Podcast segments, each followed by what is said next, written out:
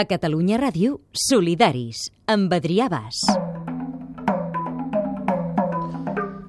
Noi, les sorpreses d'aquest programa. No sé pas què deu ser això que sento. Tambors rojins, Adrià. Apa aquí, aquesta veu. Això vol dir que les coses han canviat, però no tant. Com a mínim per deslligar-nos de les arrels, Francesc de Dalmas és molt content que tornis a ser aquí. Molt bona tarda. Tenia Adrià. moltes ganes de sentir-te. En som dos, eh? En Sí? som dos. Ho trobava a faltar, anàvem passant les setmanes, l'Adriana em truca, l'Adriana em truca. Com la farem aquesta temporada? Doncs jo em penso que, que els solidaris continua sent el que ha estat sempre Mm. i comença a ser el que no ha estat mai. I per començar a ser el que no ha estat mai, això que se sent.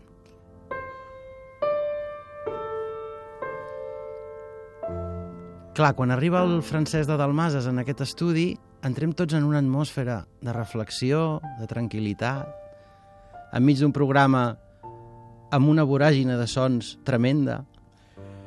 A mi m'agradaria una mica com... Avui podem fer un, un enterrament digne del que van ser els noms del Ah, món per qui no fotis, un enterrament, Francesc. Digne, digne, digne. Un No, enterrament home, digne. no. Si en seguirem parlant de noms i de persones. Però jo penso que va ser una secció que va fer el seu camí, que jo me l'estimo molt, I i, tant. i començarem, començarem fent una de nova, perquè els que ens comencem a fer una mica grans hem de recordar aquelles Vale, coses de quan érem joves, Com estem, eh, avui? la lletra impresa.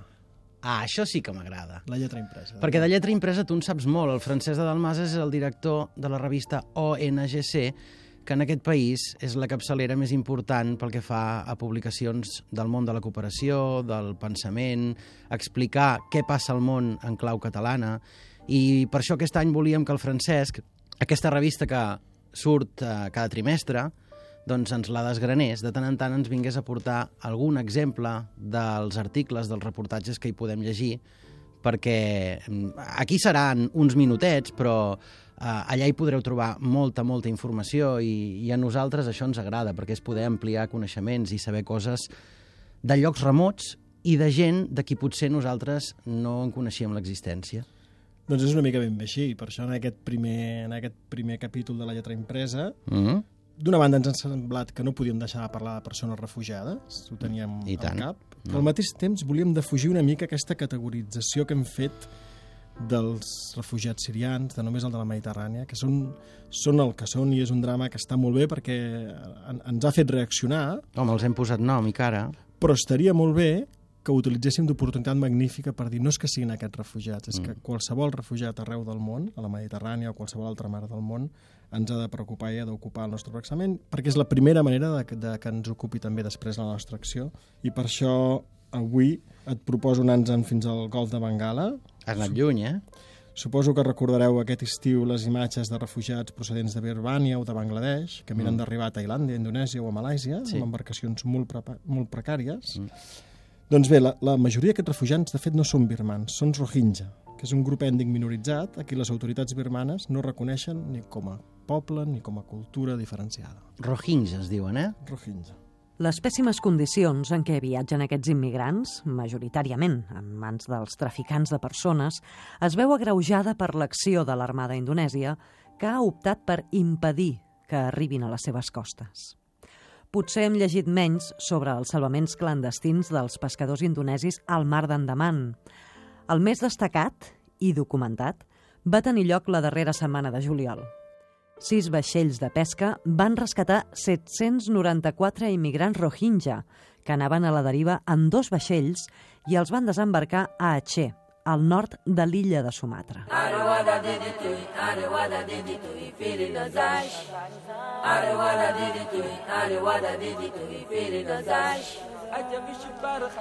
I ens direu com és que, en, que, que ens n'hem anat tan lluny si precisament aquí a la Mediterrània tenim el drama que tenim i necessitem preocupar-nos. en- No, però no té per què. Doncs precisament per això que dèiem en començar, perquè ens semblaria que aquesta preocupació no seria coherent i no seria de veritat i no seria sincera si no incorporéssim aquest problema global que són eh, els refugiats. Però hem volgut parlar d'aquest col·lectiu perquè hi ha una dimensió que els fa doblement indefensos i doblement perseguits. La seva personalitat col·lectiva. El fet de tenir una llengua i una cultura pròpies. Com els passa als amazics quan són retornats al Marroc, els rohingyas saben que si són deportats i retornats a Birmània, els pesarà la condició d'haver sortit il·legalment del país. I els pesarà encara més ser membres d'un poble que pateix repressió i invisibilització per part d'un estat que hauria de ser el propi i els va en contra.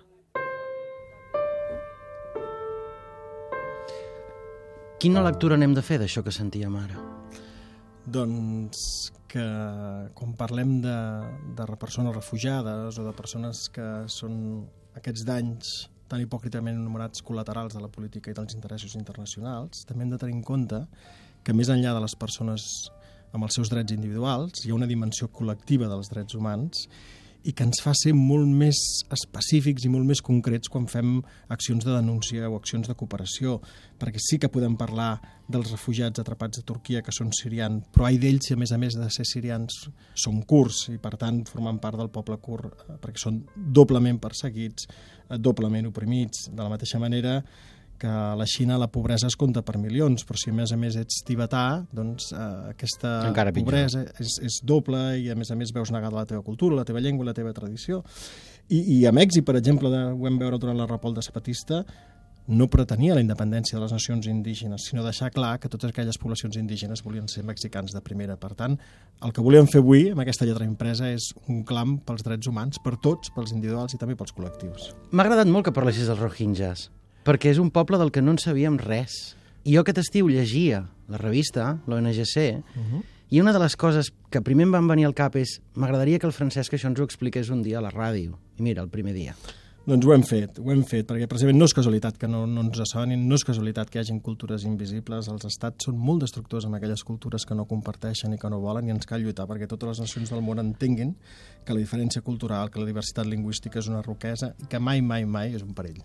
I clar, en un moment en el que el nostre país eh, doncs ens agrada veure com el món ens escolta, el món ens fa cas, sortim a les portades dels diaris pel nostre clam, està molt bé que tinguem aquesta empatia amb pobles que també fan la seva pròpia vindicació al seu lloc, encara que siguin remots a l'altra banda i encara que culturalment i lingüísticament no ens puguem entendre. Ostres, et diria més, eh? jo penso que si algun valor té la feina que estem fent per la democràcia i els drets humans aquí, eh. només és coherent i només és creïble si també la fem per la democràcia i els drets humans. Si la podem traslladar. Sí, sí. Moltes gràcies, Francesc. Fins aviat. Adrià, fins aviat.